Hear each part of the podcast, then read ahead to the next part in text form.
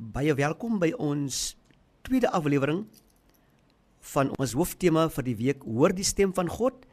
En uh in hierdie oggend wil ek graag met u praat oor wie is u?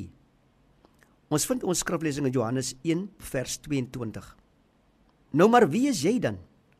Ons moet 'n antwoord gee aan die wat ons gestuur het sê hulle vir hom. Wat het jy oor jouself te sê? Hy antwoord toe: Ek is die een wat in die woestyn roep. Maak die pad reguit. Dit is soos die profeet Jesaja gesê het.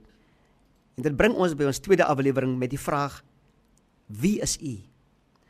Kom ons erken in die hedendaagse lewe en in die nabye toekoms sal ons van tyd tot tyd opponeer word wanneer ons in guns van Jesus praat.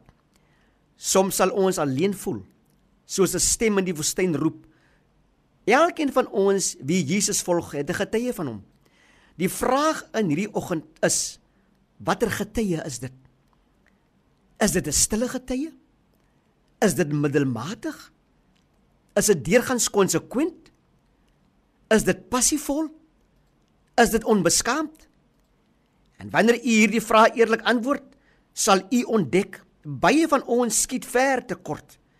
Daar was vir Johannes gevra Wie is u dan? Daardie selfde vraag moet elkeen van ons vir onsself vra. Hierdie vraag lei tot selfontdekking. Anders sit ons met die identiteitskrisis. God het ons nooit geroep om beroemd of belangrik te wees nie, maar om getrou te wees. My en u identiteit is hoofsaaklik in Christus en Christus alleen. As u u identiteit in iets anders vind as Jesus, sal u identiteit soos die morredou op die gras verdwyn. sien in Jesus die begeerte dat ons as sy volgelinge mekaar moet dien en nie om bedien te word nie. Die gemeenskap, die vriende stel belang in ons beeld en reputasie. God stel belang in my, in u se karakter en ons moenie die twee verwar nie. Te veel na u self kyk bring hoogmoed. Dit bring verwarring. Dit bring minderwaardigheid, selfbejammering en ontvlugting.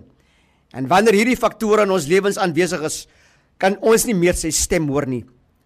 Aanvaar u self as 'n unieke skepping van God wat deur Jesus nuut gemaak is en wat my en u se taak hier op aarde tot eer van sy naam sal verrig. Kom ons verenig in gebed. Here, in hierdie oggend plaas ons ons alles op die altaar. U ken ons beter as wat ons onsself ken.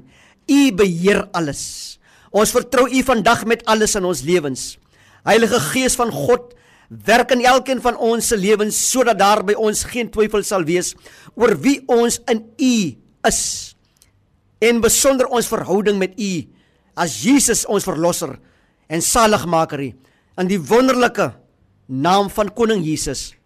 Amen. Mag u 'n besondere dag geniet in sy teenwoordigheid.